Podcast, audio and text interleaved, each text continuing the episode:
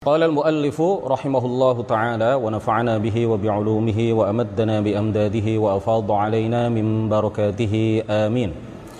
فأرشد الخلق لدين الحق بسيفه وهديه للحق.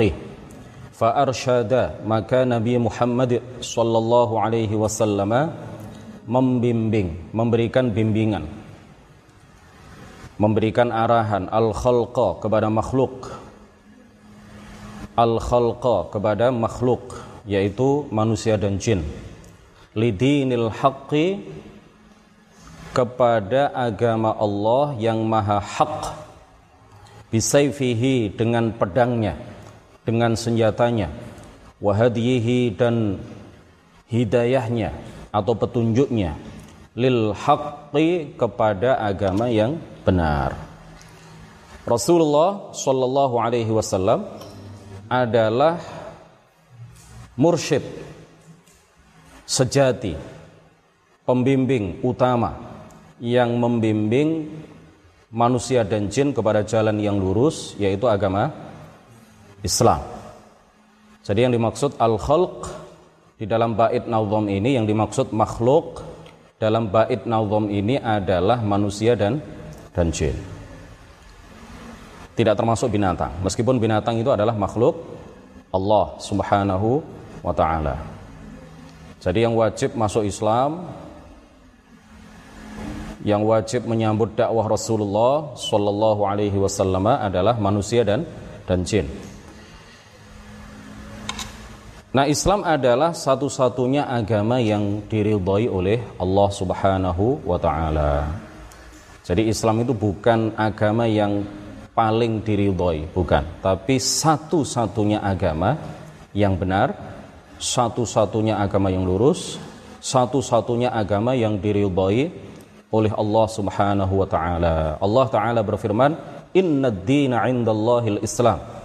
Sesungguhnya satu-satunya agama yang hak dan diridhoi oleh Allah Subhanahu wa taala hanyalah agama Islam.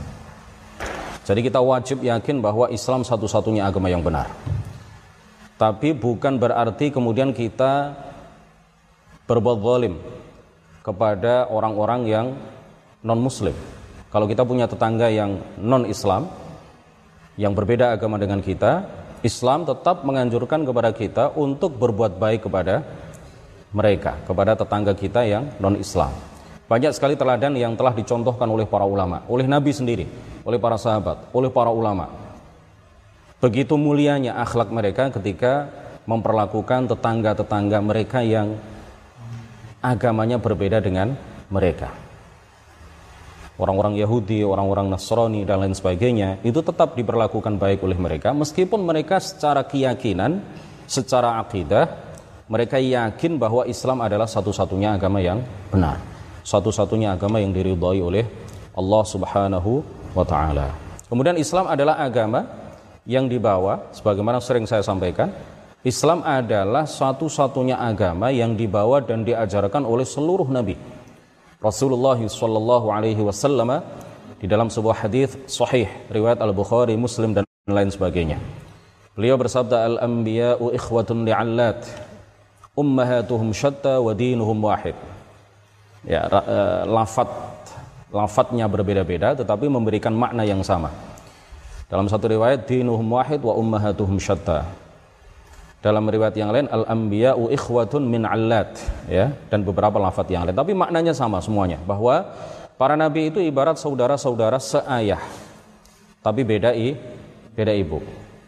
Diumpamakan para nabi seluruhnya, mulai dari nabi yang pertama sampai nabi yang terakhir, itu sebagai saudara-saudara satu ayah tapi beda ibu. Kenapa mereka diumpamakan atau diibaratkan sebagai saudara-saudara seayah? Karena agama mereka sama, yaitu is Islam. Kenapa mereka diumpamakan adalah saudara-saudara yang beda ibu? Karena syariat mereka berbeda-beda. Wa ummahatuhum syatta, ini yang dimaksud adalah apa? hukum-hukum yang dibawa oleh mereka itu syatta berbeda-beda tetapi agama mereka dinuhum wahid agama mereka sama yaitu agama tauhid ya agama Islam agama yang menyerukan kepada umat untuk hanya menyembah kepada Allah semata dan tidak menyembah kepada selain Allah Subhanahu wa taala. Jadi Nabi adalah mursyid kita ya, yang membimbing kita, yang membimbing kita sebagai umatnya. Rasulullah tidak hanya membimbing umatnya dalam masalah-masalah yang berkaitan dengan agama, dengan akhirat, tetapi beliau juga membimbing umatnya, membimbing para sahabat, membimbing orang-orang setelah para sahabat dalam masalah-masalah biasa, dalam masalah-masalah keduniaan yang tidak ada kaitannya dengan agama. Tetapi ketika Rasulullah memberikan irsyad, memberikan bimbingan kepada para sahabat, kepada para umatnya dalam hal-hal yang kaitannya dengan dunia, maka beliau memberikan kebebasan. Silahkan kalau ikut, silahkan juga kalau tidak mau ikut bimbingan beliau. Tapi dalam masalah agama, beliau mewajibkan ya dalam bimbingan beliau terkait dengan masalah agama kepada kita, maka beliau mewajibkan kita semuanya sebagai umatnya untuk mengikuti beliau. Dalam hal-hal yang wajib, dalam perkara-perkara yang Allah wajibkan kepada kita untuk kita lakukan, maka Rasulullah membimbing, membimbing kita, memberikan bimbingan kepada kita, memberitahukan kepada kita, mengajarkan kepada kita akan hal itu, dan mengharuskan kita, mewajibkan kita, Rasulullah mewajibkan kita untuk melaksanakannya. Dan terkait dengan hal-hal yang diharamkan oleh Allah, Rasulullah memberikan bimbingan kepada kita agar kita menjauhi perkara-perkara yang haram tersebut. Al-Haq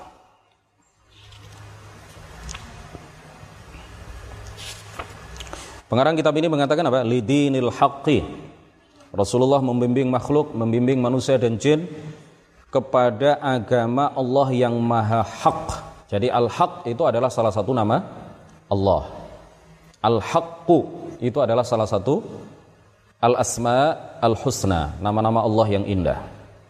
Al-Haq yang merupakan nama bagi Allah, ismun min asma'illahil husna, artinya adalah ats-tsabitul wujud, azalan wa abadan fala yalhaquhul fana'u walaz zawal. Zat yang pasti ada secara akal. Zat yang pasti ada secara akal. Al-Haq artinya apa? Al-Haq yang merupakan salah satu nama Allah, artinya apa? Zat yang pasti ada secara akal, tidak mungkin tidak ada karena kalau Allah tidak ada, maka alam ini juga tidak ada. Ya, adanya alam adalah bukti nyata bahwa alam ini ada yang menciptakannya, yaitu Allah Subhanahu wa taala. Jadi ats-tsabitul wujud. Allah ada dan keberadaannya pasti secara akal azalan wa abadan ya pada azal dan selamanya Allah ada tanpa permulaan Allah ada tanpa akhir Fala yalhaquhul fana walaz zawal, Allah tidak akan punah dan tidak akan sirna.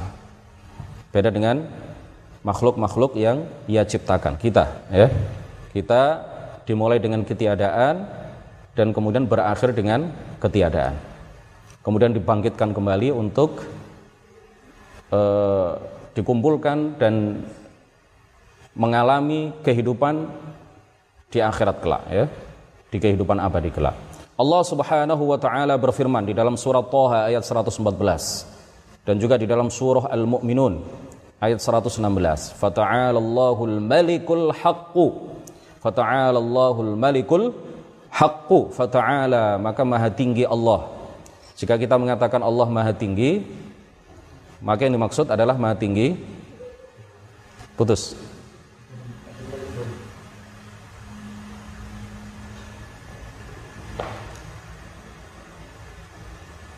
Ya, sudah? Ada gangguan sedikit?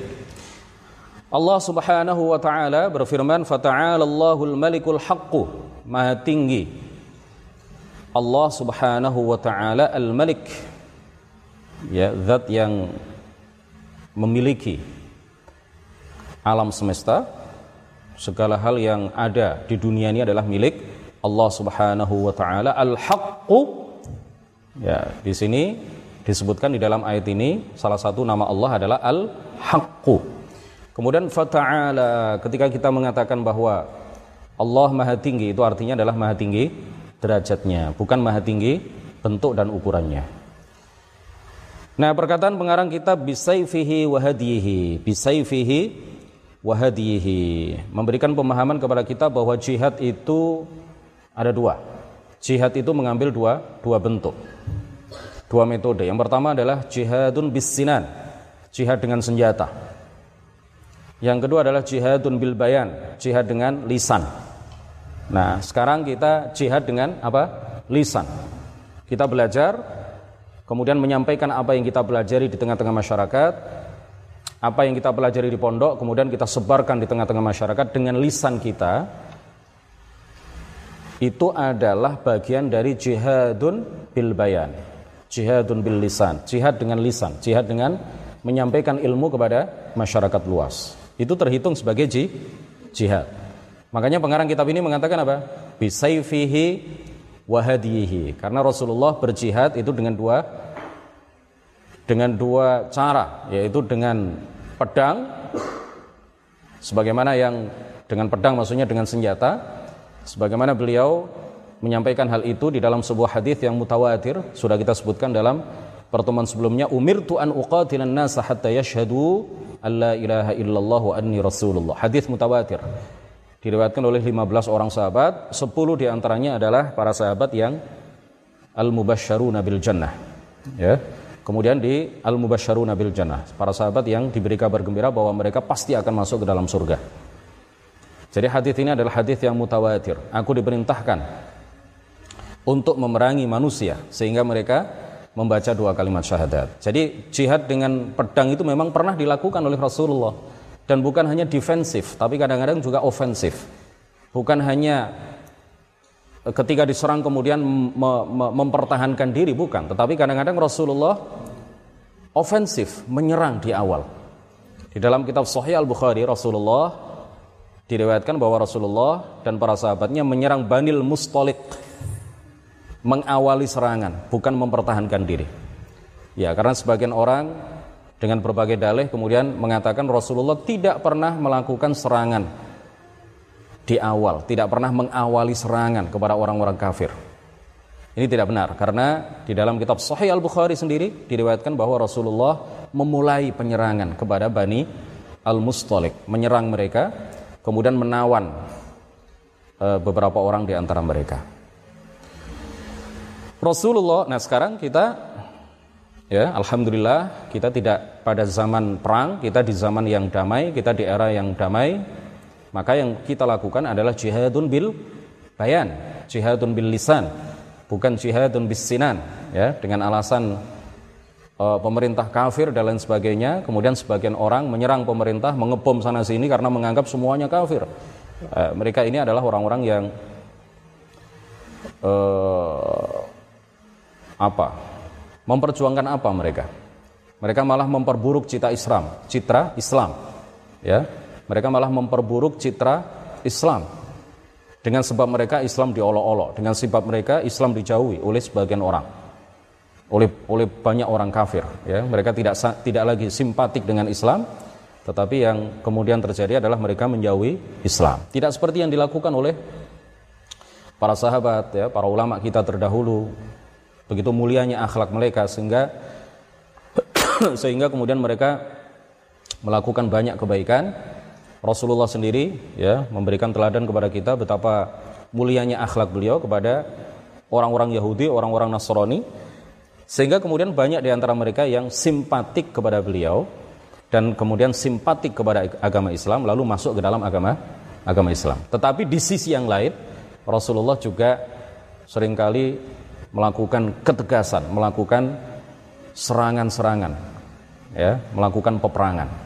Ini bukan sesuatu yang uh, dicari dalih kemudian diingkari, tidak. Memang sejarahnya begitu. Dan Rasulullah tujuannya adalah apa? memasukkan mereka ke agama Islam, menyelamatkan mereka sehingga mereka menjadi orang-orang yang beragama Islam. Rasulullah Shallallahu Alaihi Wasallam menyeru kepada Islam dengan lisan selama 14 tahun. Jadi beliau setelah masa kenabian, setelah beliau diangkat menjadi nabi, Beliau hidup di Mekah kurang lebih selama 13 13 tahun. Kemudian setelah itu beliau hijrah ke Madinah.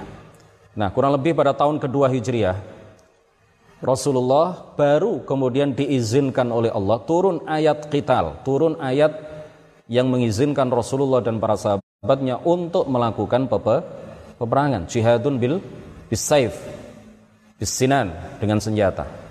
Sebelumnya ketika di Makkah Rasulullah dan para sahabat disiksa, dibuli, dilempari batu, dilempari kotoran, disakiti, dicaci, dimaki, tetapi mereka belum diizinkan oleh Allah untuk melakukan apa penyerangan-penyerangan, melakukan peperangan. Baru kemudian 14 tahun setelah mereka mengalami eh, hal-hal yang luar biasa menyakitkan ya dari orang-orang kafir, orang-orang musyrik, mereka mendapatkan perlakuan yang buruk dari orang uh, orang-orang kafir Quraisy ketika itu, baru kemudian 14 tahun setelahnya baru kemudian beliau diizinkan untuk melakukan peperangan. Jadi dakwah Rasulullah selama 14 tahun setelah masa kenabian itu hanya dengan lisan dan bayan. Dan juga dengan uh, teladan akhlak mulia ya bilhal dakwah dengan hal dakwah dengan sifat mulia dengan akhlak terpuji. Akhirnya banyak orang simpatik dan kemudian masuk ke dalam agama Islam. Pengarang kitab ini mengatakan bihadihi apa bisaifihi wahadiyihi wahadiyihi dengan memberikan hidayah. Nah, memberikan hidayah itu memiliki dua makna. Hidayah itu memiliki dua dua makna. Memberikan hidayah itu memiliki dua dua makna. Makna yang pertama adalah ibanatul haqqi wad du'a ilaihi. Menjelaskan kebenaran dan menyeru kepadanya. Menjelaskan kebenaran, menampakkan kebenaran dan menyeru kepadanya. Nah, hidayah dalam makna inilah yang dimaksud dengan perkataan pengarang di atas. Wahadihi. Allah Ta'ala berfirman, Wa innaka latahdi ila siratim mustaqim. Dan sungguh engkau, wahai Muhammad, benar-benar memberi hidayah manusia kepada jalan yang lurus kepada agama Islam. Jadi memberi hidayah, kalau dinisbatkan kepada Rasulullah, dinisbatkan kepada para juru dakwah, dinisbatkan kepada, disandarkan kepada para guru agama, para tokoh agama ketika mereka menyampaikan dakwah, kemudian dikatakan mereka memberikan hidayah kepada manusia, kepada masyarakat, ini benar apa tidak? Benar, tapi dalam arti apa? Dalam arti apa? Ibanatul haqqi, menjelaskan kebenaran, wa du'a ilaihi dan mengajak orang untuk melakukan kebenaran. Memberikan hidayah kalau disandarkan kepada makhluk, kepada Rasul, kepada sahabat, kepada ulama, artinya apa? Mengajak orang orang lain berbuat baik, menjelaskan kebenaran kepada mereka, menjelaskan kebaikan kepada mereka dan mengajak mereka untuk melakukan kebenaran dan kebaikan. Yang kedua, hidayah atau memberikan hidayah itu artinya adalah menciptakan hidayah. Ya. Khalqul hidayah fi qulubil ibad, menciptakan hidayah di hati para para hamba. Hidayah dalam makna ini, dalam makna kedua ini tidak boleh disifatkan kecuali kepada Allah Subhanahu wa taala. Jadi kita hanya bisa memberi hidayah dalam arti apa? Kita hanya bisa menyampaikan bukan menyampaikan, memberi. Memberi hidayah, hidayah. Ya, memberi petunjuk, memberi petunjuk dalam arti apa? Menampakkan, menjelaskan, menerangkan kebenaran dan mengajak orang lain untuk melakukan kebenaran. Tetapi yang menciptakan hidayah yang menciptakan hidayah di hati para hamba ketika kita menyampaikan kebenaran apakah mereka kemudian dapat hidayah apa tidak itu tergantung Allah Subhanahu wa taala. Dalam arti apa? Yang menciptakan hidayah di hati para hamba di hati masyarakat yang kita ajak untuk melakukan kebenaran itu hanya Allah Subhanahu wa taala. Kita manusia tidak bisa menciptakan hidayah tidak bisa menciptakan petunjuk di hati orang-orang yang kita ajak untuk melakukan kebaikan dan kebenaran. Yang menciptakan hidayah di hati orang-orang yang kita ajak melakukan kebenaran dan kebaikan itu hanyalah Allah Subhanahu wa taala. Allah Subhanahu wa taala berfirman, فمن يرد الله أن يهديه يشرح صدره للإسلام ومن يرد أن يضله يجعل صدره ضيقا حرجا سورة الأنعام ayat 125 Barang siapa dikehendaki Allah akan mendapat hidayah. Artinya barang siapa yang dikehendaki Allah, Allah barang siapa yang dikehendaki Allah menciptakan kebaikan, e, menciptakan hidayah dan petunjuk di hatinya, maka Allah akan membukakan hatinya atau dadanya untuk menerima Islam. Dan barang siapa yang dikehendakinya sesat, dia jadikan dadanya sempit dan sesak menerima kebenaran Islam. Jadi yang maha memberikan hidayah, artinya yang maha menciptakan hidayah di hati para hamba adalah Allah Subhanahu wa taala. Sebaliknya yang menciptakan kesesatan di hati para hamba juga adalah Allah Subhanahu wa taala. Yang menghendaki seseorang dapat hidayah adalah Allah yang menghendaki seseorang sesat itu juga Allah Subhanahu wa taala. Di dalam surah Al-Qasas ayat 56 Allah Subhanahu wa taala berfirman kepada Nabi Muhammad, "Innaka la tahdi man ahbab man ahbabta." walakin Allah yahdi man yasha. Sungguh engkau Muhammad kata Allah tidak dapat menciptakan hidayah pada diri orang yang engkau cintai. Engkau tidak bisa memberikan hidayah, engkau tidak bisa menciptakan hidayah pada Abu Lahab misalkan, pada Abu Jahal, pada uh, Abu Talib, ya. Padahal engkau sudah berusaha, wahai Muhammad, untuk supaya mereka dapat hidayah, tetapi karena yang menciptakan hidayah dan yang menghendaki hidayah itu muncul pada diri orang-orang yang engkau cintai itu Allah bukan engkau wahai Muhammad. Walakin Allah yahdi man yasha tetapi Allah lah yang menciptakan hidayah pada diri orang yang dia kehendaki. Qala al muallifu rahimahullahu taala Muhammadil aqib lirusli rabbihi wa alihi wa sahbihi wa hizbihi. Bait nazam yang keempat ya. Sedikit lagi jangan ngantuk dulu. Muhammadil aqib lirusli rabbihi wa alihi wa sahbihi wa hizbihi. Muhammad akhir bagi para rasul Tuhannya Muhammadi. Ya. Muhammad dibaca kasroh tanpa tanwin. Muhammadi. Lil wazn ya lil wazn untuk menyesuaikan dengan pola wazan. Karena darurat syair kalau dibaca Muhammadinil aqibi nanti akan kacau. Wazannya akan kacau. Makanya kemudian pengarang kitab ini nazim. Kitab ini penyusun nazam kitab ini kemudian apa? Mengkasroh kata lafat Muhammadi tanpa tanwin. Muhammadil aqib ba dalam al-aqib juga di eh, tidak tidak di kasroh tapi apa di disukun. Karena juga untuk menyesuaikan dengan pola wazan. Kalau di kasroh nanti akan kacau. Eh, wazannya akan tidak yastaqim ya, tidak tidak apa? Tidak sesuai dengan apa yang digariskan oleh para ulama di dalam arud ya, di dalam ilmu arud. Jadi kita baca apa? Muhammadil aqib lirusli rabbihi. Bukan lirusuli tapi lirusli rabbihi wa alihi wa sahbihi wa hizbihi. Muhammadi Nabi Muhammad al-aqib akhir.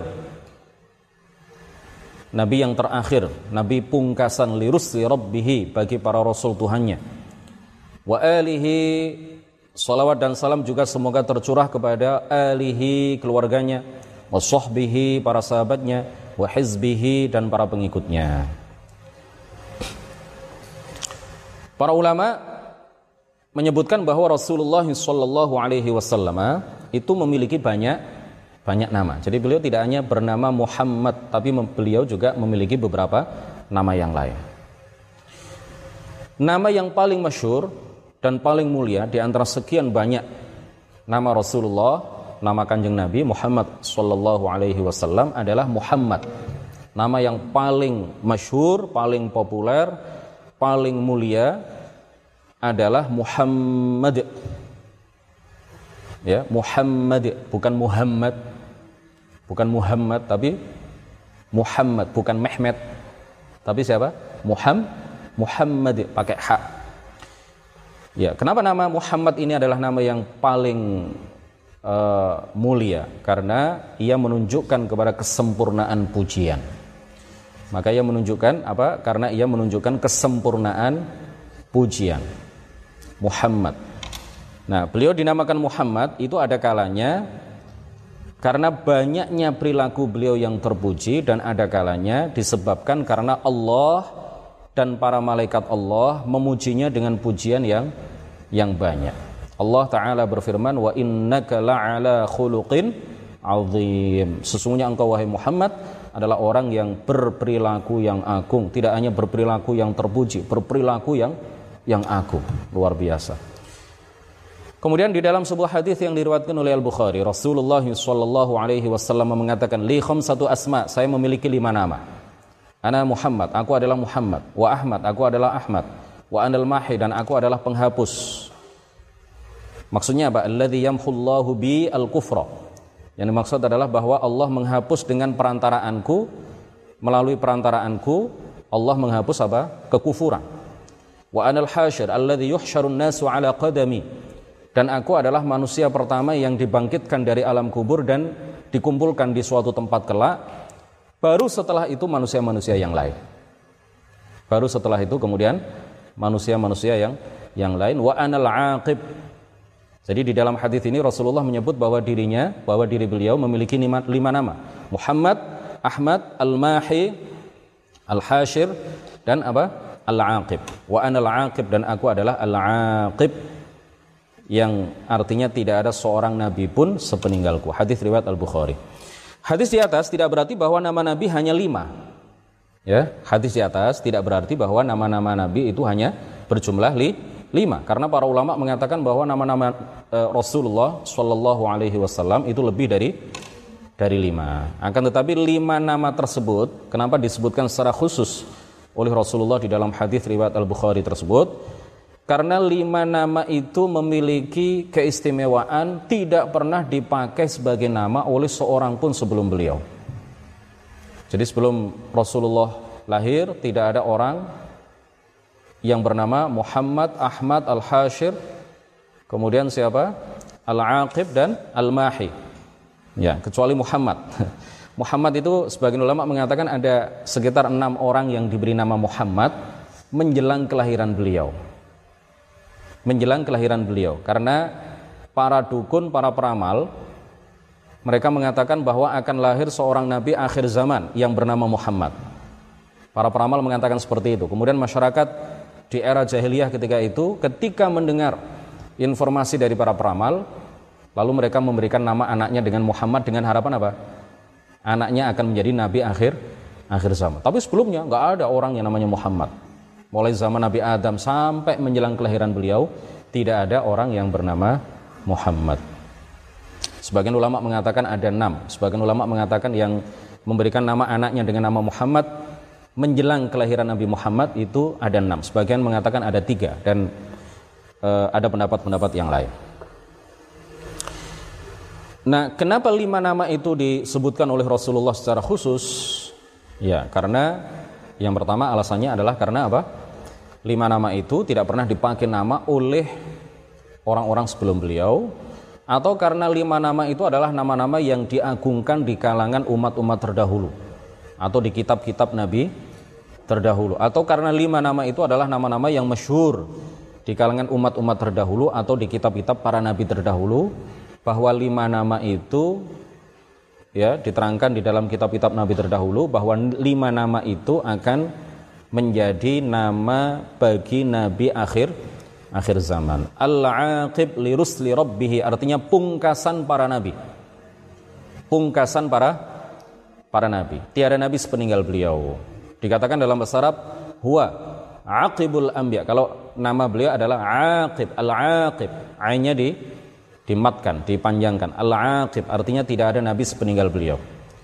Di dalam bahasa Arab kalau dikatakan huwa aqibul anbiya tanpa dipanjangkan huruf ainnya huwa aqibul anbiya'i artinya adalah akhiruhum. Nabi adalah pungkasan dari para para nabi. Tidak ada nabi yang diutus oleh Allah menjadi nabi sepeninggal Rasulullah sallallahu alaihi wasallam. Kemudian wa alihi wa alihi ya. Semoga solawat dan salam tercurah kepada alin nabi, alun nabi, alun nabi. Kita kalau membaca salawat biasanya mengatakan apa? Allahumma salli ala sayyidina Muhammad wa ala alihi. Apa yang dimaksud dengan alihi? Dalam makom zakat, dalam pembahasan bab zakat, yang dimaksud alun nabi adalah mukminu bani Hashim wa banil Muttalib. Orang-orang mukmin atau kerabat nabi yang mukmin dari kalangan Bani Hashim dan Bani Al-Muttalib. Itu kalau dalam masalah zakat. Mereka tidak boleh menerima zakat. ya Anak keturunan Bani Hashim, anak keturunan Bani Al-Muttalib tidak boleh menerima zakat. Jadi alun nabi kalau dalam masalah bab zakat, kalau dalam masalah zakat, fi maqamiz zakah artinya adalah apa? Para kerabat nabi yang mukmin dari kalangan Bani Hashim dan Bani Al-Muttalib. Dalam makom pujian fi makom al-madh wa kalau dikatakan alun nabi artinya adalah seluruh kerabatnya yang mukmin. Seluruh kerabatnya yang mukmin tidak hanya Bani Hashim dan Bani Al-Muttalib seluruh kerabatnya yang mukmin. Itu masuk dalam kategori alun nabi dalam makom doa fi makom doa ya kalau dikatakan alun nabi ketika kita berdoa Allahumma salli ala sayyidina Muhammad wa ala alihi wa sahbihi wasallim itu fi maqamid doa ya. Kita ingin mendoakan supaya alun nabi mendapatkan salawat dan salam dari Allah. Dalam makom doa kalau disebut alun nabi yang dimaksud adalah orang-orang yang bertakwa dari kalangan umatnya semuanya kerabat nabi bukan kerabat nabi asalkan mereka adalah orang-orang yang bertakwa maka masuk dalam kategori alun nabi dan setiap saat, setiap waktu didoakan oleh orang-orang mukmin dalam solawat-solawat yang dibaca oleh mereka. Solawat dan salam juga semoga tercurah kepada para sahabat. Sahabat artinya adalah definisi sahabat. Seseorang yang bertemu dengan Nabi setelah masa kenabian, jadi bukan sebelum masa kenabian.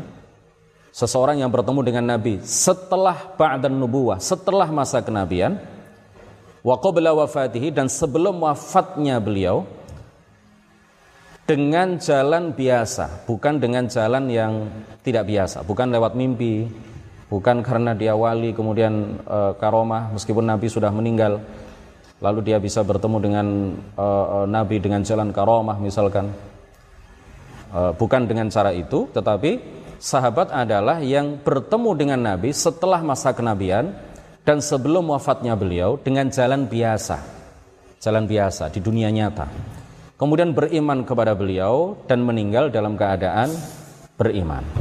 Meskipun ya seandainya disela-selai dengan murtad antara masa bertemunya dia dengan Nabi dalam keadaan beriman dengan wafatnya Nabi itu diselai dengan apa namanya uh, uh, uh, bukan antara apa antara bertemunya dia dengan Nabi dalam keadaan mukmin dan antara matinya dia dalam keadaan beriman itu kemudian disela-selai dengan murtad. Jadi pernah murtad itu kalau dia mati dalam keadaan beriman maka dia tetap dikategorikan sebagai sahabat sahabat Nabi. Jadi seorang sahabat ya, sahabat Nabi, sahabat Rasul artinya adalah orang yang pernah berjumpa dengan beliau setelah masa kenabian, sebelum wafatnya beliau dengan jalan biasa, beriman kepada beliau dan meninggal dalam keadaan beriman meskipun di tengah-tengah itu dia murtad. Asalkan dia kemudian terakhir mati dalam keadaan beriman, maka dia tetap dikategorikan oleh para ulama sebagai sahabat. Salawat dan salam terakhir. Salawat dan salam juga semoga tercurah kepada Hizbun Nabi wa alihi wa sahbihi wa hizbihi wa hizbihi hizbun nabi. Apa yang dimaksud dengan hizbun nabi? Mereka adalah para pengikut nabi dan para pengikut yang mengikuti para pengikut nabi dalam keba kebaikan. Semuanya itu adalah hizbun nabi. Jadi hizbun nabi adalah apa? Para pengikut nabi. Kemudian orang-orang setelahnya, orang-orang setelah mereka yang mengikuti mereka dalam kebaikan sampai hari kiamat, sampai menjelang hari kiamat, mereka semuanya adalah kategori apa? Hizbun Nabi. Sedangkan istilah Hizbullah, pernah dengar ya? Hizbullah, itu artinya apa? Mereka adalah orang-orang yang beragama dengan agamanya dan menaatinya. orang yang beragama dengan agama Allah yaitu Islam dan taat 100% kepada Allah Subhanahu wa taala hingga Allah kemudian menolong dan membela mereka. Ini adalah definisi atau pengertian uh, jika disebutkan Hizbullah menurut Al-Akhfash. Menurut Imam Al-Akhfash. Nah, sebutan Hizbullah ini tidak kita katakan bagi para kelompok pembawa bid'ah. Bagi para kelompok pembawa bid'ah. Seperti siapa? Orang-orang Wahabi. Mereka membawa bid'ah i'tiqadiyah. Mereka membawa bid'ah dalam bidang akidah.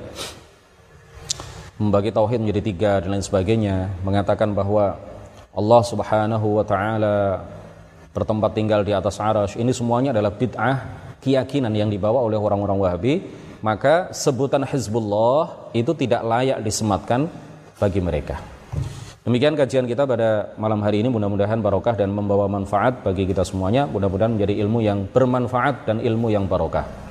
Subhanakallahumma wa bihamdik asyhadu an la ilaha illa anta astaghfiruka wa atubu ilaik. La ilaha illallah. Allahumma salli ala sayyidina Muhammad wa ala alihi wa sahbihi wa sallim. Rabbi ighfirli wa liwalidayya wa lil mu'minina wal mu'minat. Wassalamualaikum warahmatullahi wabarakatuh. Amen.